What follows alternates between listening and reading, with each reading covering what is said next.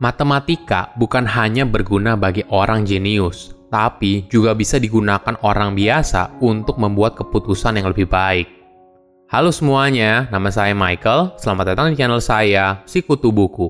Kali ini saya akan membahas buku How Not to Be Wrong karya Jordan Ellenberg.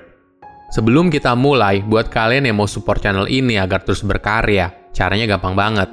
Kalian cukup klik subscribe dan nyalakan loncengnya Dukungan kalian membantu banget supaya kita bisa rutin posting dan bersama-sama belajar di channel ini. Buku ini membahas bagaimana matematika bisa membantu kita dalam buat keputusan yang lebih baik dan lebih sedikit membuat kesalahan. Banyak orang merasa, apa sih fungsinya belajar matematika selain matematika dasar seperti tambah, kurang, kali, dan bagi? Padahal, pelajaran matematika dapat membantu kita berpikir lebih logis dan kritis, bagi Jordan, memahami matematika ibaratnya memakai sepasang kacamata X-ray yang bisa melihat bagian yang berantakan di dunia ini.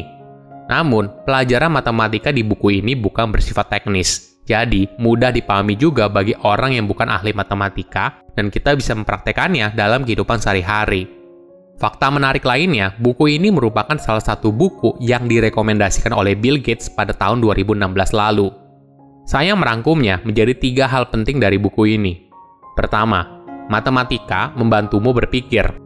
Mungkin banyak orang ketika sekolah bertanya-tanya, kenapa sih harus belajar matematika begitu rumit? Apakah tidak cukup hanya matematika dasar saja, seperti tambah, kali, bagi, dan kurang? Kepake nggak sih belajar matematika yang rumit? Jawaban singkatnya iya. Matematika adalah kunci dalam menyelesaikan masalah umum. Cuma memang dalam kehidupan sehari-hari kita tidak menyebutnya matematika, tapi esensinya merupakan bagian dari logika dan nalar berpikir. Contohnya begini, apakah kamu bisa menjelaskan kenapa menambahkan 7 apel pada 5 apel sama jumlahnya dengan menambahkan 5 apel pada 7 apel? Ini sangat jelas tapi sulit dijelaskan. Sederhananya, matematika juga merupakan cerminan dari hal yang pada dasarnya sudah kita ketahui. Dalam kasus ini, matematika mencerminkan intuisi kita dengan mendefinisikan penjumlahan sebagai komutatif. Untuk setiap pilihan A dan B, A plus B sama dengan B plus A. Ada contoh lain yang menarik. Kisah ini bisa menjelaskan kenapa matematika disebut oleh Jordan sebagai ilmu supaya kita nggak salah. Pada Perang Dunia Kedua, para pejabat militer Amerika ingin menambahkan pelindung pada pesawat tempurnya. Namun, mereka tidak bisa menambahkan pelindung ke seluruh bagian pesawat karena itu akan meningkatkan konsumsi bahan bakar yang tinggi. Selanjutnya, para ahli diberikan tugas untuk mencari bagian mana yang paling penting untuk dilindungi. Mereka mulai melakukan analisa dari pesawat Amerika yang penuh dengan tembakan saat kembali dari perang. Setelah dianalisa, mereka menemukan kalau bagian ekor pesawat merupakan bagian yang paling banyak kena tembakan daripada bagian mesin. Oleh karena itu, mereka memutuskan untuk fokus pengamanan ke bagian ekor pesawat. Namun, seorang matematikawan bernama Abraham Wald tidak setuju. Abraham malah berpikir sebaliknya dan menyarankan untuk memberi tambahan pelindung pada bagian pesawat yang tidak dipenuhi oleh lubang tembakan. Dia menyimpulkan kalau pesawat dengan penuh tembakan di bagian ekor pesawatnya merupakan pesawat yang selamat, sedangkan pesawat yang banyak mengalami tembakan di bagian mesinnya justru tidak selamat. Ini yang dinamakan survivorship bias, di mana kita terlalu fokus pada satu hal yang positif dalam menganalisa sesuatu, sama halnya ketika kita mendengar sebuah kisah sukses seperti Tokopedia atau Gojek. Banyak orang merasa kalau mereka mampu mempunyai startup sebesar Tokopedia atau Gojek. Namun tentu saja, mereka tidak memperhitungkan ratusan bahkan ribuan startup yang gagal. Kedua, matematika dan probabilitas. Coba bayangkan, kamu mendapatkan surat dari sekuritas yang kurang terkenal berisi prediksi saham tertentu akan naik tinggi minggu depan. Mungkin awalnya kamu tidak percaya, tapi tanpa disangka, prediksinya benar. Minggu depan, sekuritas yang sama bernama Baltimore Stock Broker mengirimkan surat lagi yang berisi hal yang sama, prediksi saham mana yang akan naik. Untuk kedua kalinya, sekuritas itu kembali benar. Tentu saja kamu makin penasaran. Minggu ketiga, Baltimore Stock Broker melakukan hal yang sama dan kembali benar. Keakuratan prediksinya berlangsung hingga 10 kali berturut-turut. Pada minggu ke-11, Baltimore Stock Broker mengirimkan tawaran investasi besar kepada kamu, Walaupun dia bilang data lama tidak mencerminkan kinerja masa depan, namun dia menyiratkan keakuratan prediksinya selama 10 kali berturut-turut. Kamu pun tergiur dan menaruh uang yang besar. Ternyata, tawaran investasi itu adalah penipuan. Apa yang terjadi? Baltimore Stock Broker mengirimkan surat berisi prediksi sebuah saham kepada 10.240 prospek. 5.120 pertama sesuai dengan prediksinya, yaitu sebuah saham naik, dan 5.120 sisanya berisi prediksi saham turun. Di minggu kedua, jumlah 5.120 yang prediksinya naik akan mendapatkan surat berikutnya. Hasilnya kembali setengah lagi, setengah naik dan setengah turun.